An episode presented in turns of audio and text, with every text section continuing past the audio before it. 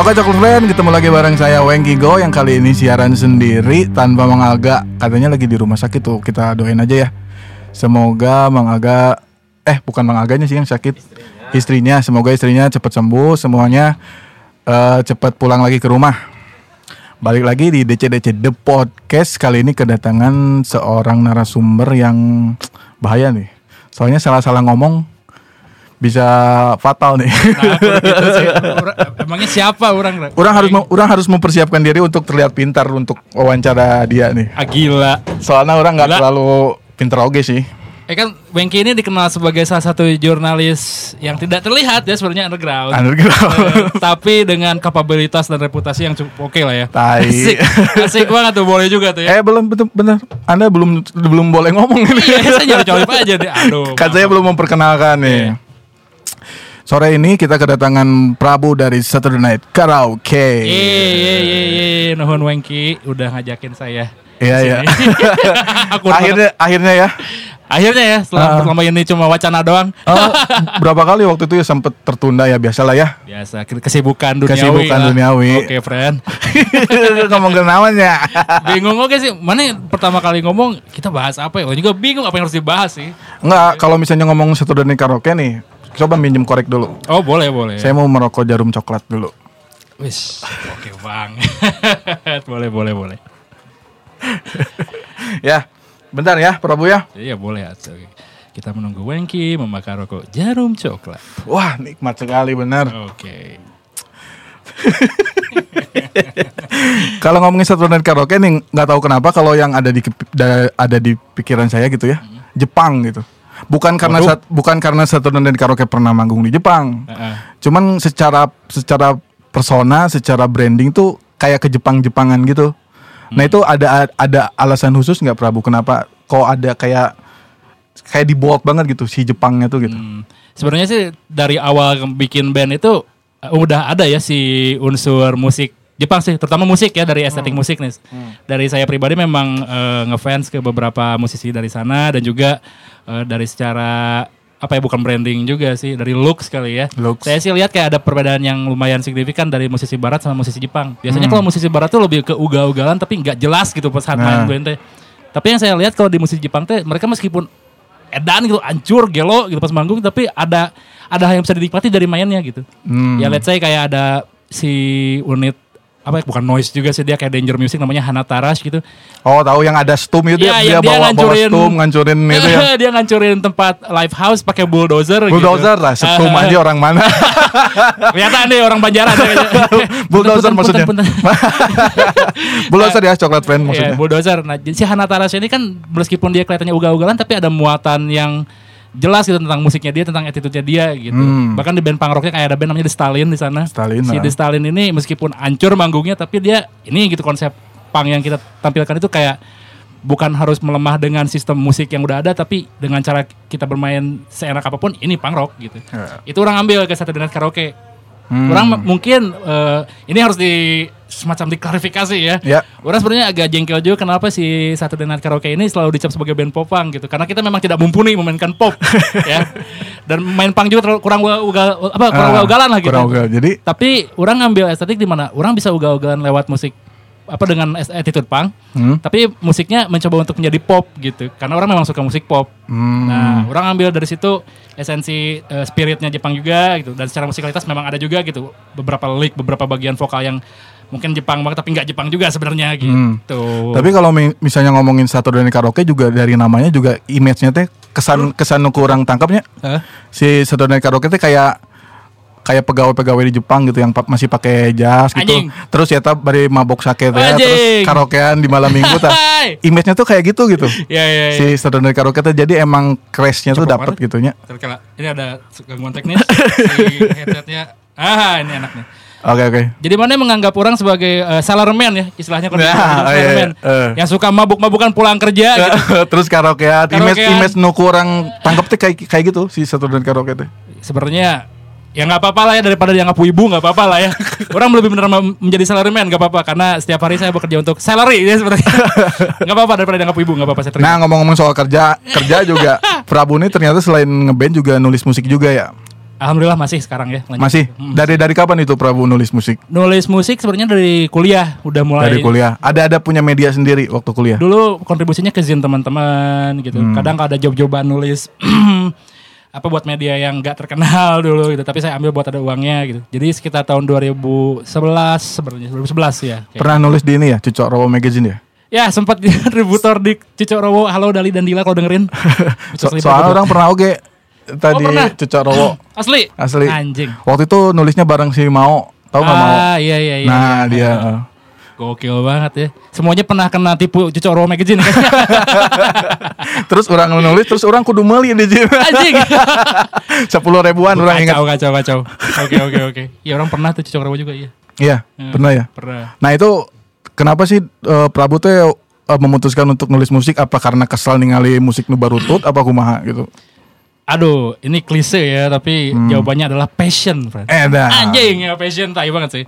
tapi si orang memang ngerasa kayak salah satu hal yang bikin orang senang dan bikin orang waras di hidup ini adalah musik menurut orang. Jadi orang nggak bakat olahraga gitu. Jadi orang tidak Hmm, sarua. Iya, orang nggak bisa melampiaskan emosi orang lewat tendangan bola yang langsung gol ke gawang pasti gitu. kita ini tipe-tipe orang yang kalau misalnya pas pelajaran olahraga terus di pojokan Eh, muntah orang eh, muntah orang anu dilelewe karena lompatnya letoy.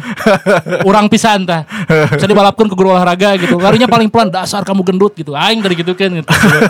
Orang tipe orang seperti itu gitu. Dan orang pun tidak suka apa ya kegiatan kesenian seperti menggambar kayak gitu. Bukan tidak suka sih, lebih tepatnya kayak kurang menikmati gitu. tidak suka apa tidak bisa Bisa sih Bisa, gambar-gambar iya teh gering stickman gitu kan bisa lah. Bisa. Ngabe benjo budak mah bisa gitu. Bisa, bisa. Nah, jadi orang ngerasa kayak lebih senang di musik sebenarnya kenapa orang milih musik Hmm. karena orang ngerasa lebih senang aja gitu di klub dan orang bisa melihat hal-hal yang lain bisa bahkan lewat musik pun orang bisa berjejaring dengan orang baru gitu. Hmm. Jadi apa yang orang tidak bisa temukan di olahraga dan di kesenian lainnya ada di musik gitu, Weng. Tapi katanya selain musik nih Prabu nih punya hobi nih. Yang kayak saya, saya kan kepo ya di story-story. Eh, kamu stalker ya. Ya, Saya laporin ke SJW nih. sebagai seorang katanya jurnalis. Hmm. Cie, tai. kan kudu keponya. Hmm. Nah, si Prabu nih sering banget ngeposting soal Smackdown. Jay, yoi. Itu teh kenapa suka ada ada romantisme tersendiri apa gimana gitu soal Smackdown teh? Soal ya Smackdown teh professional wrestling saya emang suka dari SD sih Weng. Hmm. Nah itu jadi orang nggak suka olahraga tapi untuk wrestling ini karena ada nuansa dramanya ya. Oh iya. Orang suka film juga nih. Tapi jadi, ada juga sorry motong. Tapi ada juga yang versi Jepang nu apa eh, gulatnya teh pakai neon, pakai Oh, iya, iya. apa sih namanya? kalau di gak tau yang Jepang apa tapi yang di barat ada tuh CZW namanya. CZW ya. Itu yang Ah. pakai sumpit itu suka kepala Beda. pensil. Terus Garut ini dia Iya, pakai lampu neon ya kan. Ya, pernah lihat itu yang di Jepang. itu obscure banget sih. Ah. Nah, jadi ini coplok deh ini.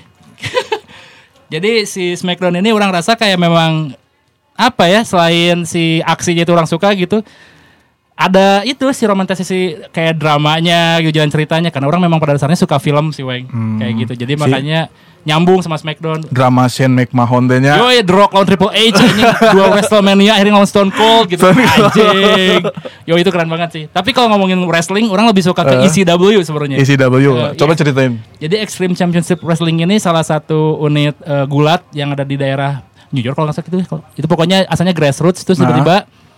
Oh, mereka tuh kenapa disebut ekstrim karena memang melibatkan eh, senjata ceritanya Hmm. kursi meja terus apa kayak lampu juga ada tapi nggak se ekstrim kayak si CZW gitu Hmm. nah beberapa wrestler yang ada di situ teh kayak ada Rob Van Dam, Sabu, Sandman itu Hmm. teh eh, mereka lebih teknikal dibanding si SmackDown Hmm. permainan gulatnya jadi Iya, iya. mereka bisa menguasai tekniknya juga gitu plus menggunakan elemen kekerasan dengan senjata itu orang suka banget gitu.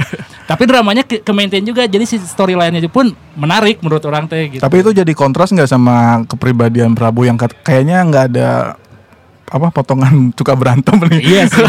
Atau gimana apa gimana gitu. gak tahu ya yang namanya hiburan mah kali apa pun dilibas kali ya hiburan yang orang suka sih Jadi nggak usah merepresentasi apa sih? Merepresentasikan itu nggak nggak harus. Kayaknya enggak sih. Kayaknya kalau orang memang menyukai hal itu dan tidak terlihat di kepribadiannya atau di penampilannya nggak masalah sih. gitu. Kalau menyukai sesuatu ya. Hmm. Gitu. Oke oke oke. Nah ini ngomongin Smackdown masih ngomongin Smackdown nih. Hmm.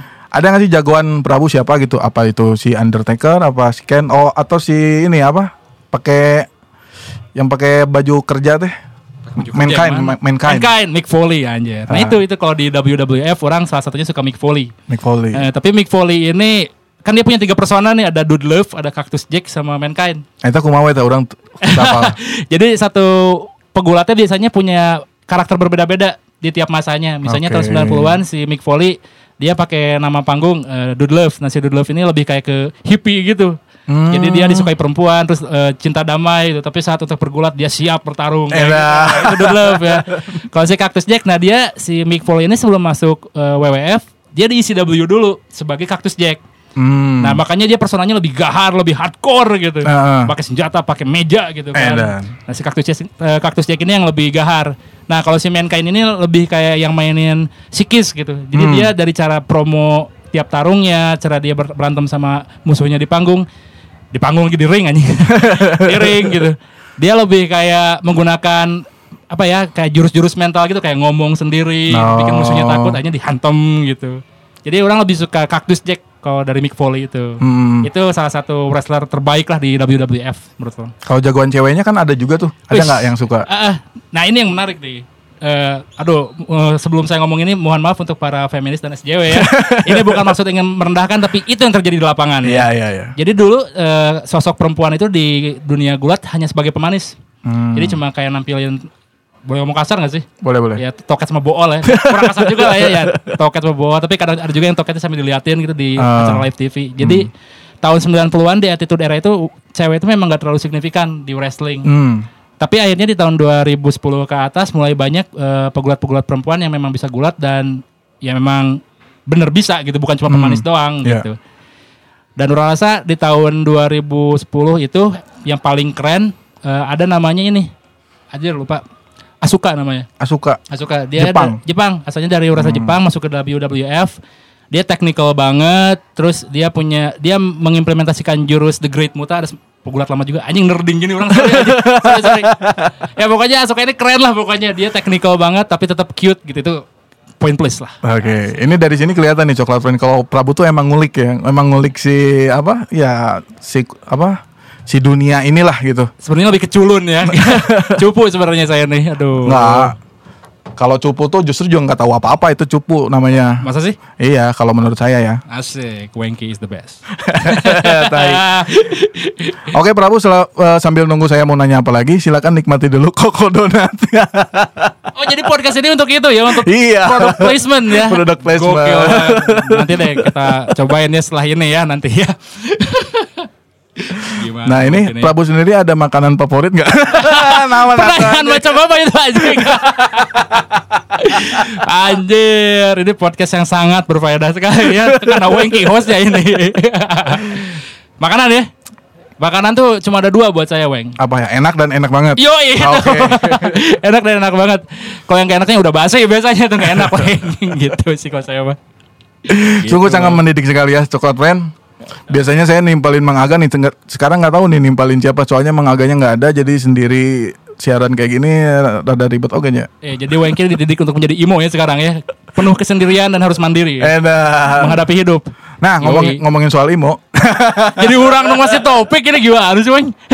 setuju nggak dengan tagar Make Imo Great Again? Atau at- at- at- kan ada juga ya, ada tagar Make Imo Great Again, ada tagar Make Popang Make Popang Great Again. Nah kayak gitu-gitu tuh menurut Prabu kayak gimana? Geleh apa aku mah? Eh, sebenarnya nggak ada yang salah dengan nostalgia dan romantisasi. Sebenarnya nggak ada yang salah. Semua orang pasti punya eh, sisi lembut untuk itu gitu. Tenang-tenang coklat friend, ini mulai masuk ke topik nih. Serius mulai deh. Eh, Oke nyambung ke situ orang rasa eh, jadinya kayak 50-50 sih kalau orang. Hmm. Jadi ya bukan pro dan kontra jadinya ada sesuatu yang mungkin baik gitu melakukan Hmm. kampanye seperti itu tapi ada juga yang enggak.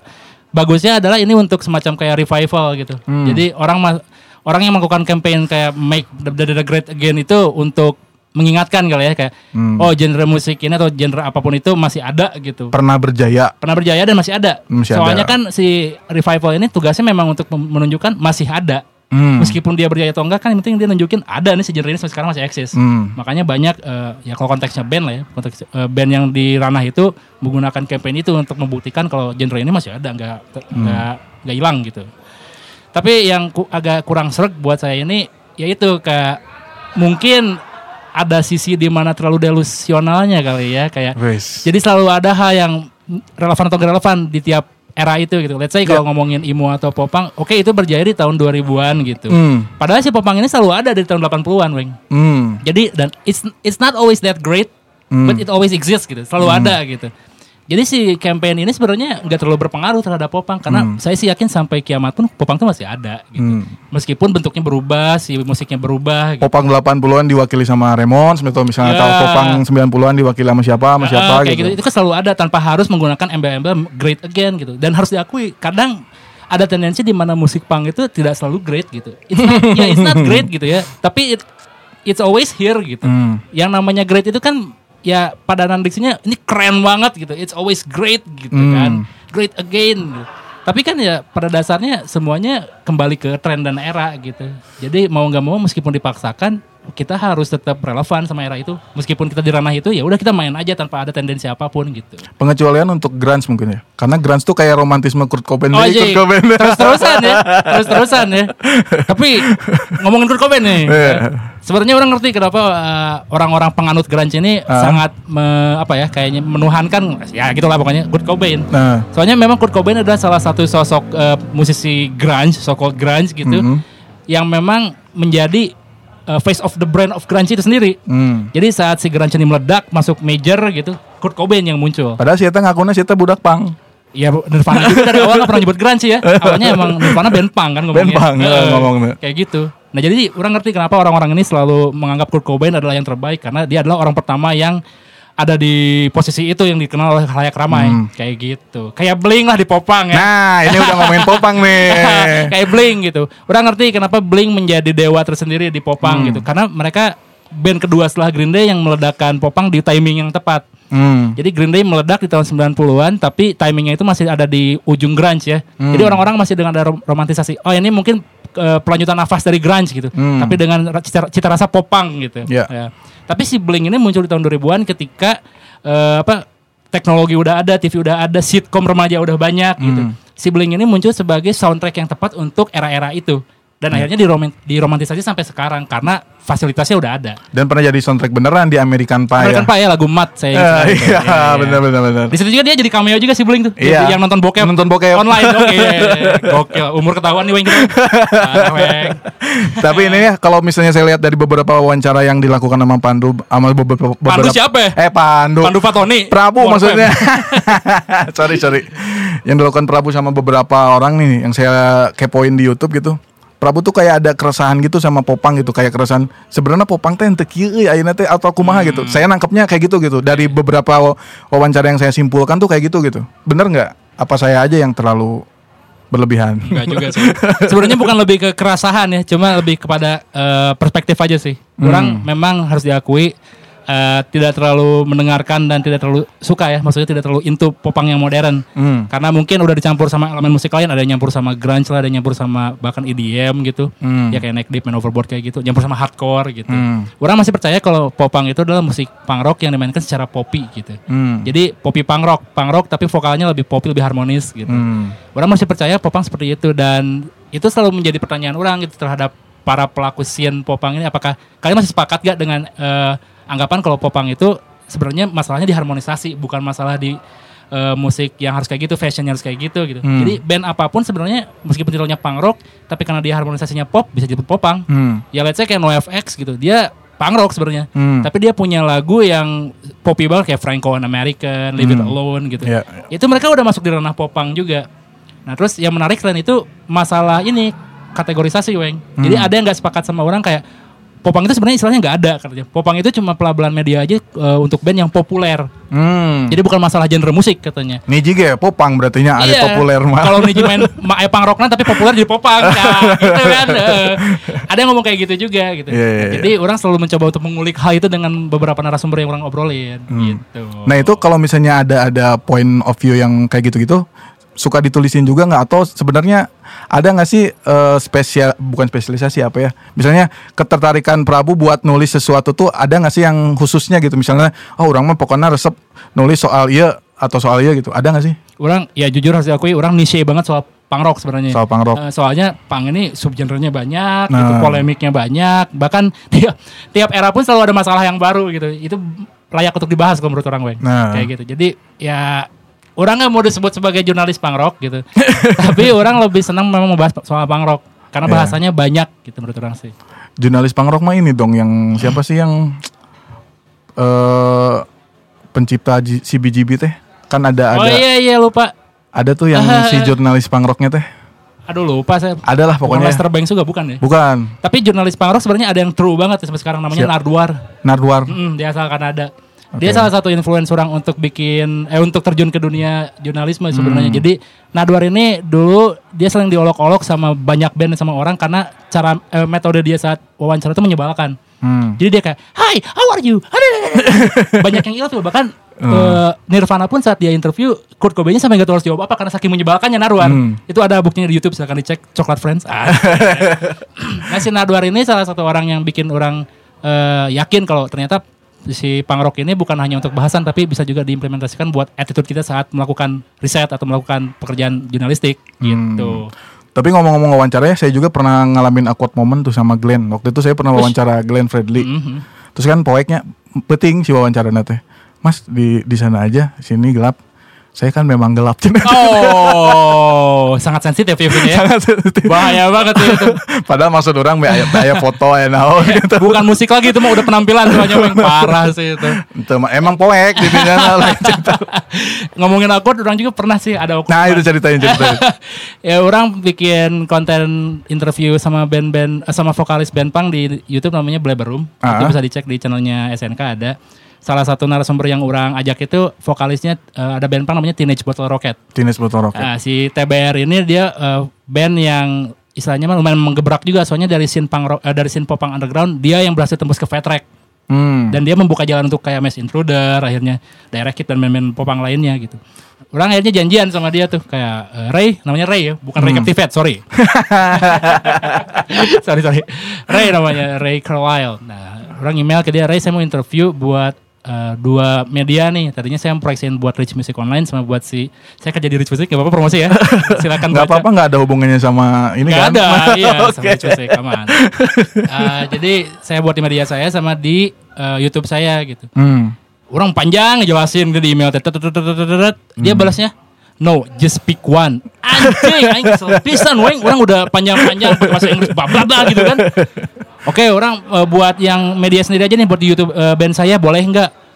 Oh ini buat band kamu Urusan saya sama band kamu apa ya Anjing Anjing. orang Kan orang jengkel banget Oh ya kalau di media itu mungkin terlalu populer eh, Si apa pembacanya Jadi mungkin gak akan terlalu masuk Tapi kalau di akun saya bakal lebih relate Ah. Soalnya lebih niche gitu kan Eh. Oke Anjing udah panjang-panjang jawabnya oke juga kan Berak banget tuh kan. Terus Udah akhirnya janjian schedule Ah. zoom Orang sama dia Heeh. Pas zoom prak Pas hari, hari atau pisan Trouble laptopnya anjing. Lain, lain orang no trouble Saya no trouble anjing. Eh. terus nyalahin ke orang. Jadi dia kayak hey please apa uh, repair your laptop. It's not working bla bla bla bla. Perasaan lu aing aman-aman baik aing cek ayaan gitu kan. Eh. kurang di chat. Yang orang aman kok mungkin yang kamu kali. Itu kan udah udah zoom udah nyala ya. dia dia kayak marah-marah gitu. Cih, mana nggak bisa interview sebenarnya? Ma- Mana itu siapa sih? Ini marahin anjing. Wah, goblok bisa nih orang. Aja yang kesel pisan anjing. Terus sama orang ditutor akhirnya coba benerin di sini, benerin di sini gitu. Bisa anjing akhirnya. Bisa. goblok. Bisa anjing. Eh, itu boleh katro oge berarti. itu mah sudah terbukti dari dulu ya boleh memang rada-rada katro ya. Akhirnya setelah interview itu orang nggak mood banget yang mana bisa nonton videonya orang nggak mood sama sekali dan merubah Eh. pandangan orang terhadap band itu akhirnya. Yang tadinya ngefans. Asalnya ngefans. Jadi- jadi agak berkurang ngefansnya. Jadi ngefansnya cuma ke lagunya doang akhirnya. Gitu. Nah ngomongin soal jurnalis musik nih, pasti ada lah. Ada nggak sih kalau misalnya nulis gitu, terus si si musisinya nggak terima sama review atau Hmm, kayak gimana iya, gitu? iya, iya. Kayak kayak pernah nu si Soleh Solin pernah cerita, si Ata dilabrak ku si Superglad gara-gara ngasih bintang satu di majalah Iya, iya, Rolling iya. Stone sama Club Etis juga dulu sama klub Ektis oke Iya, nepi si iya. desa Pundung. Ada nggak sih ngalamin kayak gitu Prabu? Gak usah disebutin ya nama musisinya. oh iya oke ada pernah pernah pernah ngalamin Gimana gimana tuh ceritanya? Ya saya mengulas satu band eh, dan saya bilang ah, ini ada yang menarik ya band ini ngomong katanya dia memasukkan unsur eh, kekinian di musik dia dan. gitu ya. Nah, orang ngerasa saat orang dengar mana kekinian nggak ada gitu kan maksudnya. Eh. Kalau kalau kekinian mungkin eh, dari segi pemilihan sound gitu kan Hmm. atau enggak dari runutan lirik yang dia bikin juga mungkin kalau lebih relate ke sekarang itu kekinian kali ya. Saat orang dengerin soundnya ngacu ke band yang itu itu aja gitu kan. Eh. Terus liriknya sama-sama picisan kayak di genre itu gitu. Mana Nah. kekiniannya gitu kan. Nah. Semua terus kayak gitu. Eh, pas publish beberapa hari setelah itu dia nge- ngejapri orang gitu. Eh. Bang saya dari band ini ini ini ini. Jujur bang, saya bukan maksud eh, ingin menggurui, tapi kekinian itu gini gini gini gini tuh anjing. Orang digurui sama yang bikin karyanya langsung. Gak apa-apa ya emang tujuannya itu gitu kan. Ya orang bilang kayak, oh iya iya makasih inputnya ya. Tapi ya jujur saya seba- sebagai pendengar yang awam memang Ah. tidak menemukan di mana kekiniannya gitu. Itu sih opini saya aja. Hmm. Karena tugas saya untuk beropini dan memberikan informasi katanya ya. Hmm. Ya akhirnya dia oke bang saya terima sarannya tapi lain kali kalau menulis kayak gitu pelajari dulu bang genrenya katanya. Oke Edan. anjing. Siap bang. Gitu. Tapi setuju gak sih kalau di media-media musik sekarang tuh si jurnalis musiknya lebih main aman gitu. Jadi kayak apa ya kayak ya review-review positif atau kayak gitu-gitu. Setuju gak sih? Setuju, setuju ya. Karena mungkin ya itu ada kepentingan di luar selain kejujuran dalam beropini ya. Hmm. Selalu ada kepentingan yang lain, entah itu masalah eh, komersil, entah itu masalah etik ya, ya kayak gitu. Tapi kalau saya sih masih percaya jurnalistik musik itu memang harus eh, gonzo sebenarnya. Hmm. Dia, dia harus tetap menjadi si jur mungkin atau ma- malah boleh cari dari perspektif lain yang tidak ada kaitannya sama musik, tapi Hmm. mengaitkannya dengan musik gitu. Iya, iya. Orang sih masih percaya itu untuk musik karena musik ini kan subjek yang sangat highly opinionated. Jadi Hmm. nggak bisa di- diukur lewat ini bagus karena resonasi lagunya di Eh, frekuensi berikut. Aing lain dia macam gitu. Oke gitu kan. Ah. Jadi orang masih yakin kalau si musik ini seharusnya diulas secara personal. Tapi setuju juga nggak kalau misalnya media musik sekarang tuh banyak yang emang kayak mewakili satu genre aja gitu. Misalnya media A tuh banyak ngulas banyak ngulas soal rock misalnya teh. Si media ini banyak ngulas soal pop, media ini banyak ngulas soal punk gitu. Setuju nggak sih kalau misalnya sekarang jadi ada kayak kategori-kategorinya gitu kayak media ini emang ah lamun ngomongin punk mah jeung media ieu we, lamun misalnya ngomongin pop jeung media ieu we, apa Iya, kumaha? Setuju nggak? Orang sih setuju. Ya, orang sih setuju. Soalnya harus ada satu media yang memang fokus di niche-nya masing-masing. Oke. Ya, jadi eh, saat orang untuk mencari eh, runutan di mana orang bisa cari informasi yang eh, spesifik dan jelas tentang genre ini ke media itu. Oke. Karena ada masalah di mana ketika media populer pun yang dia mengklaim sebagai media populer tapi dia tetap menggarisbawahi suatu genre masih ada weng. Sampai Hmm. sekarang masih ada. Nah, jadi menurut orang kenapa enggak aja bikin media yang memang fokus terhadap eh, parameter musik tersendiri gitu. Saya tahu misalnya di punk rock, ya enggak sih punk rock gitu. Dia fokusnya di indie pop, indie pop aja gitu. Jadi Prabu termasuk yang setuju dengan pengkategorian misalnya media ini emang ngulas apa khusus itu. Hmm, orang sih setuju soalnya media yang orang suka pun kayak Razor Cake atau Maximum Rock and Roll dia memang spesifik Oh, di iya. punk rock. Iya, So- iya, dan iya. dia dia tuh jadi salah satu eh, kitab suci untuk band-band yang di, lahir tahun itu gitu. Orang Hmm. orang ngerasa belum mendapatkan informasi atau orang belum merasa pernah diulas sebagai band punk sebelum masuk MRR gitu. Hmm. Menurut orang sih nggak ada yang salah untuk menjadi spesifik sih. Dan kalau misalnya terlalu campur-campur juga nggak terlalu dalam juga. Misalnya orang kan besar dengan musik-musiknya ya. katakanlah indies lah gitunya. Wis, kolot sekali ya kamu misalnya indies. Oh sorry sorry Eh, pop lah Eh, pop. pop ya. bukan indies. boleh boleh boleh. nah ketika orang dapat eh, kerjaan, weh nge-review band metal gitu. Mhm. Orang tuh bingung harus ngambil dari perspektif apa gitu Iya, karena iya, orang iya, iya. nggak tahu misalnya hooknya sebelah mana apa si punchline-nya sebelah mana gitu. Nah itu Pandu ngalamin juga nggak kayak gitu? Kayaknya selalu ada sih Weng gitu mah. Ada ya? Di mana pun juga menurut orang sih. Eh. Kayak ada media nah itu kalau nyikapinya gimana? Kalau misalnya orang te- te- misalnya Pandu eh pra, Pandu wae. Karena ngefans sama Morfem ya kayaknya deh. Aduh orang bilang ke Pandu deh. Prabu misalnya dengerin nanti eh, jangan pernah dengerin death metal gitu, tapi harus ngul- ngulas soal death metal gitu. Iya, iya. Nah itu dari perspektif apa eh, Prabu nulisnya gitu? orang bakal dari perspektif sepengetahuan orang.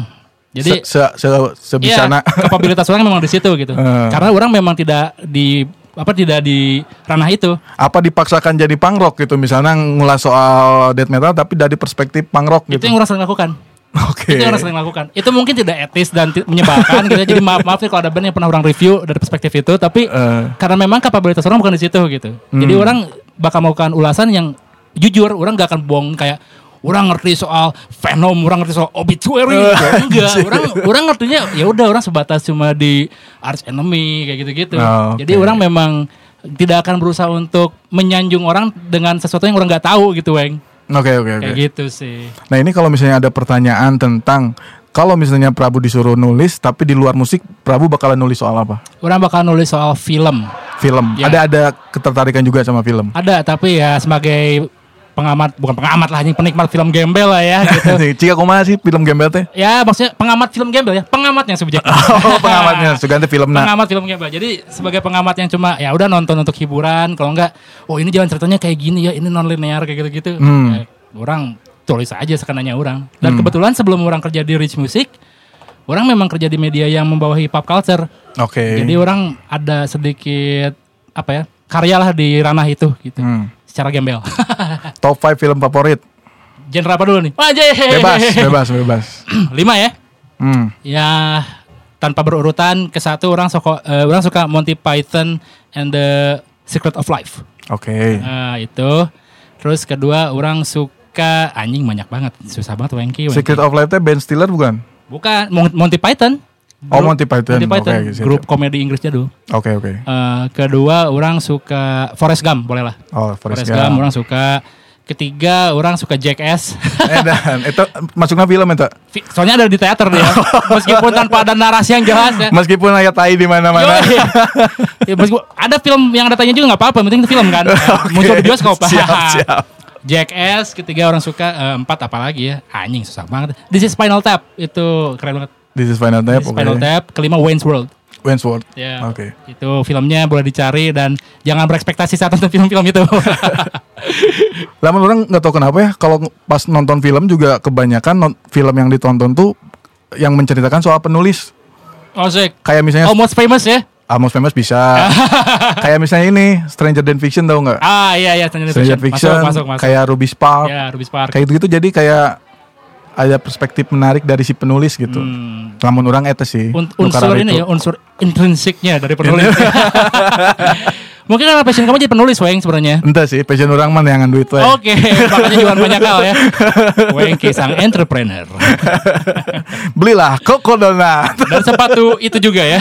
Sepatu go, aduh nggak dipakai, eh, hujan tadi. Ya mana bisa lihat juga di sini yang dengerin podcast bisa lihat juga, Weng. Tapi bisa follow Instagramnya @go.footwear ya. Oke banget nih produk placement ya. Anjir, keren. Satu dari karaoke udah ada endorse sepatu belum? Belum Belum ya? ya. Mau oh, berniat boleh, boleh kita bikin ini ya, apa produk eh, signature series ya. produk khusus ya. Wah, tapi gus di endorse si Jimmy, euy. Itu mah bukan di endorse, dikasih doang. Itu Dikasih. itu dalam rangka apa tuh dia? Kok baik banget ngasih sepatu? Anjir Taiwan Ya temenan aja sih Oh. Anjir Kesannya ada apa tadi lah Temenan aja teman-teman Ini mau diperuncing gak kamu sama Jimmy ada apa? Gak ada apa-apa Gak ada apa-apa Anjing Ini Jimmy itu Dia salah satu musisi idola orang sebenarnya Oke, Idola. so, Dan coba ceritain soal Jimmy. Ya kebetulan dia memang apa ya kita pernah manggung bareng aja jadi kita ketemu memang bukan langsung Sama Morfem? Apa sama The Upstairs? sama Morfem, Morfem. pernah manggung bareng SNK sama dia dari sebelum itu pun orang memang suka karyanya dia gitu Hmm. dia salah satu penulis lirik yang paling keren lah di Indonesia untuk kabar ini gitu ya kebetulan kita ketemu di gigs akhirnya nyambung ngomongin musik ya udah dari situ lanjut aja dan Jimmy pun seperti itu gitu dia menganggap orang sebagai teman aja dan Hmm. mungkin itu dia ngirim sepatu itu sebagai barter aja. Soalnya orang pernah ngirim barang ke dia gitu. Ah, oke. dia ngirim ke orang jadi ya korespondensi sebagai kawan tidak ada Hmm. apa-apa lah ya gitu. Anjing nih Wengki infotainment nih. Anjing. Kaos SNK masih ada tuh? dijual maksudnya? Ah, ada barter jeung sepatu. enggak enggak. Enggak itu untuk komoditas utama nggak bisa diperakar ya kalau kaos band. Anjing bisa. Gitu Oke. Nah, ini soal penulis lirik ya. oke boleh, boleh. Nyambung tadinya. Orang dari tadi topiknya gitu ya tiap orang buka apa langsung sambung ke situ memang Malu. oportunis nih nih Malum penyiar magang. oke boleh boleh Kalau saya nggak nggak kayak Prabu yang emang biasa ngomong banyak lah gitu. bacot lah ya orang banyak yang orang gak suka orang makanya orang bacot hai Tapi aku suka kok. Aduh, kita udah beristri dua-dua ya, jadi tidak akan ada hal di antara kita. Oke. Ngomong soal penulis lirik nih. Kayak tadi deh nya standarnya lima penulis. Perlu kan- listi kalau wae sih anjing. Tadi kan itu tipe-tipe artikel nu banyak dibaca. Yang gampang dicerna ya. Gimana mana pergaulan media gitu ya. Lima penulis lirik ya. Tadi kan Jimmy Lokal, lokal. lokal lah lokal. Lokal ya. Ya, Jimmy Multazam oke, kedua Deddy Stanza orang suka. Edan. Ketiga, anjing siapa sih yang nulis itu teh? Bukan Odi Agam, lupa orang jadi. oh di harahap. Bukan, bukan. Bu- ah, adalah pokoknya terlupa. tadi siapa sih? Eh, Jimmy, Eh, Deddy Stanza. Chandra Darusman. sorry. Chandra Darusman. Eh, Chandra Darusman orang suka, Iwan Fals orang suka. Hmm. Dan yang kelima ini ada teman orang dari band Tarkam namanya Ape. Apa? Eh, Ape Tarkam. Itu Hmm. keren banget. Justru jaring nggak masuk ya? Jering siapa sih? Orang nggak kenal deh kayaknya. Jering siapa sih? Sebagai bapak pang Indonesia. Oh dia main pang ya? Iya. Tolong jelasin ke saya siapa Jering nggak tahu tuh. Udahlah skip aja ya. Oke. Kalau Harlan Bur masuk nggak? Arlan orang suka eh, kiprahnya Harlan di Common Lennon. Cameron Nah, ya. untuk folknya mungkin karena bukan selera musik kali ya. Hmm. Jadi orang memang agak skip di musik lagu-laguna absurd oke sih si Cameron Lennon ada Ya, Common Lennon orang suka sih. Soalnya mungkin masih liar zaman itu kali ya. musiknya mentah gitu Iya, kan jadi iya, kayak iya, iya. gitu-gitu. Nah untuk musik sendiri Prabu lebih seneng kalau misalnya jadi apa ya teknik rekaman gitu ya, Hmm. lebih seneng yang mentah-mentah gitu apa yang emang dipikirkan misalnya soalnya ngejar pokoknya orang soalnya kudu ngejar si gitar iya gitu misalnya atau kuma atau kayak gitu nggak? Itu posisinya sebagai orang yang rekaman atau untuk mendengarkan. Kamu yang rekaman, Yang si rekaman. Saturday Night Karaoke. Kalau orang prinsip rekaman yang pa- yang paling murah. Yang paling murah ya. Oke. Yang paling murah. Oke. Oke. Jadi canggung. Iya si produser ya time. Oh timekeeper ya. Ya, timekeeper. Lupa maaf Pak, saya bacot Pak, maaf Pak. Aduh, maaf, maaf. ya, jadi kalau masalah rekaman orang lebih suka yang eh, irit, yang hemat. Karena saya tahu rekaman itu biayanya mahal, Hmm. belum mixing mastering ya, gitu-gitu. Jadi saya suka kalau satu shift dikejar eh, berapa lagu gitu dengan metode saya sendiri gitu. Dan Berarti ngulik sound tuh, tapi misalnya. dikit-dikit. Jadi Ah. orang memang dikit-dikit ngulik gimana sih orang bisa dapetin satu shift ini dengan efisien gitu tanpa mengulang banyak dan soundnya memang udah tep- tepat gitu. Hmm. Dan orang udah menemukan formula sendiri dan Oke. si SNK melakukan itu dari dulu sampai sekarang alhamdulillah bermanfaat untuk nabung duit ternyata gitu. Tapi si SNK kan pernah dibubarkan ya, kuci kumaneh teh. Pernah ya dua kali ya. A- sampai akhirnya Main lagi sekarang. ya. dihidupkan deui kunaon. Karena itu nggak ada kegiatan lain yang bisa meluapkan emosi, weng gitu. Oke. Jadi orang saat kerja orang kesel sama bos gitu. Orang nggak bisa nih main bola atau Ah. gimana untuk mengeluarkan emosi. Ya udah main band. Akhirnya setelah di setelah ngobrol baik-baik sama Atif drummer orang, Hmm. dia kayak meyakinkan orang udah mending main aja gitu. Oke main lagi akhirnya. Gitu. Terus personil lainnya nah diganti anu dua itu kan si siapa? Andres sama itu kan baru ya? Oh ya Andresa baru. ya SNK udah dua kali ganti formasi. Yang pertama karena ya standar lah ada urusan di luar SNK yang nggak bisa dibawa ke band gitu Hmm. dan dia memilih itu. Dan yang kedua sama dia juga ada pilihan yang lebih jelas untuk dilakukan selain ngeband doang gitu. Hmm. Dan orang nggak masalah dan namanya band mah pasti eh, ganti personilnya bongkar pasang lumrah gitu. Hmm. Ya Andresa dan Natif yang sejauh ini alhamdulillah masih betah dan masih suka gitu, masih senang main band. Oke. Gitu. Wah, coklat friend udah nggak kerasa ya. Udah mau 40 menit nih. Iya maaf nih saya bacot nih apa ada. Aduh, maaf nih bawel banget. Nih, akhirnya saya bisa ngomongin musik juga nih di DCDC The Podcast. Ntar orang dimarahin kan sama bos kamu ngomongin musik, disuruhnya jangan ngomongin musik ya. Malah musik ngomonginnya. Tadinya mau ngomongin donat tapi ah udah kebanyakan ya. oh ya donat. Oh ini koko apa sih koko donat ya namanya? Koko donat. Koko donat ya. Ini bahannya terbuat dari apa aja, Weng? Udah SNI belum bahan-bahannya nih. Udah, udah. Udah ya. Rumahan banget pokoknya ya. Tanya dong kenapa namanya Koko. Oh, oke, koko apa koko namanya? Koko karena anak saya dipanggil Koko. Oh, jadi nama anak biar berkah ya Ya, jualannya. oke. oke, oke. Sama kayak bikin lukisan di belakang truk ya biar berkah gitu. Buka anaknya di belakang dolak dari Nah, nah, oke. kayak gitu ya. Iya, iya, iya. Tapi ini nih sebelum sebelum di closing nih si DCDC Podcast mau melakukan hal yang di luar kebiasaan nih. Coba karena ini narasumbernya seorang host gitu ya. Gila. Coba akhirnya dibalik mana nu wawancara orang. Oke, oke, oke. Berapa menit? 5 menit. Oh, 5 menit ya. Oke, Coklat Friends kem- kembali di DC berapa menit? Ulangi lagi.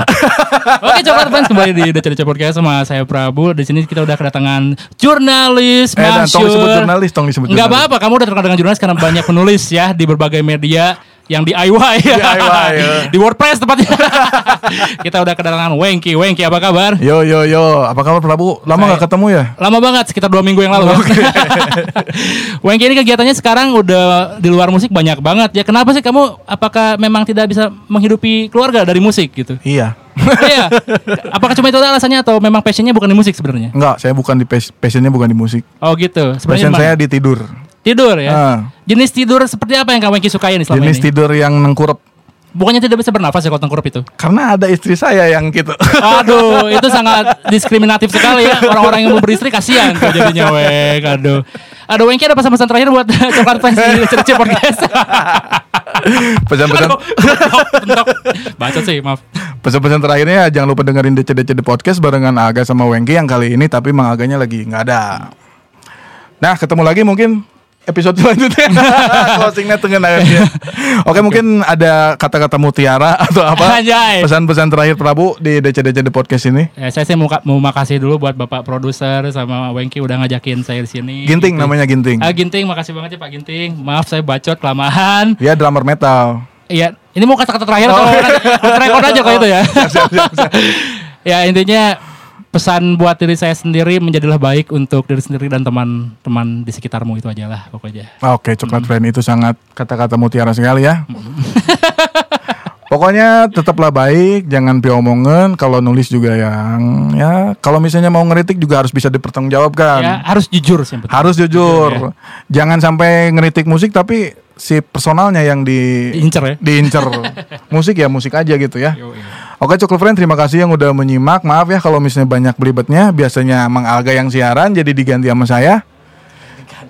Eh nggak diganti maksudnya saya sendirian maksudnya. Ya sampai ketemu lagi di DC-DC The Podcast berikutnya. Adios amigos.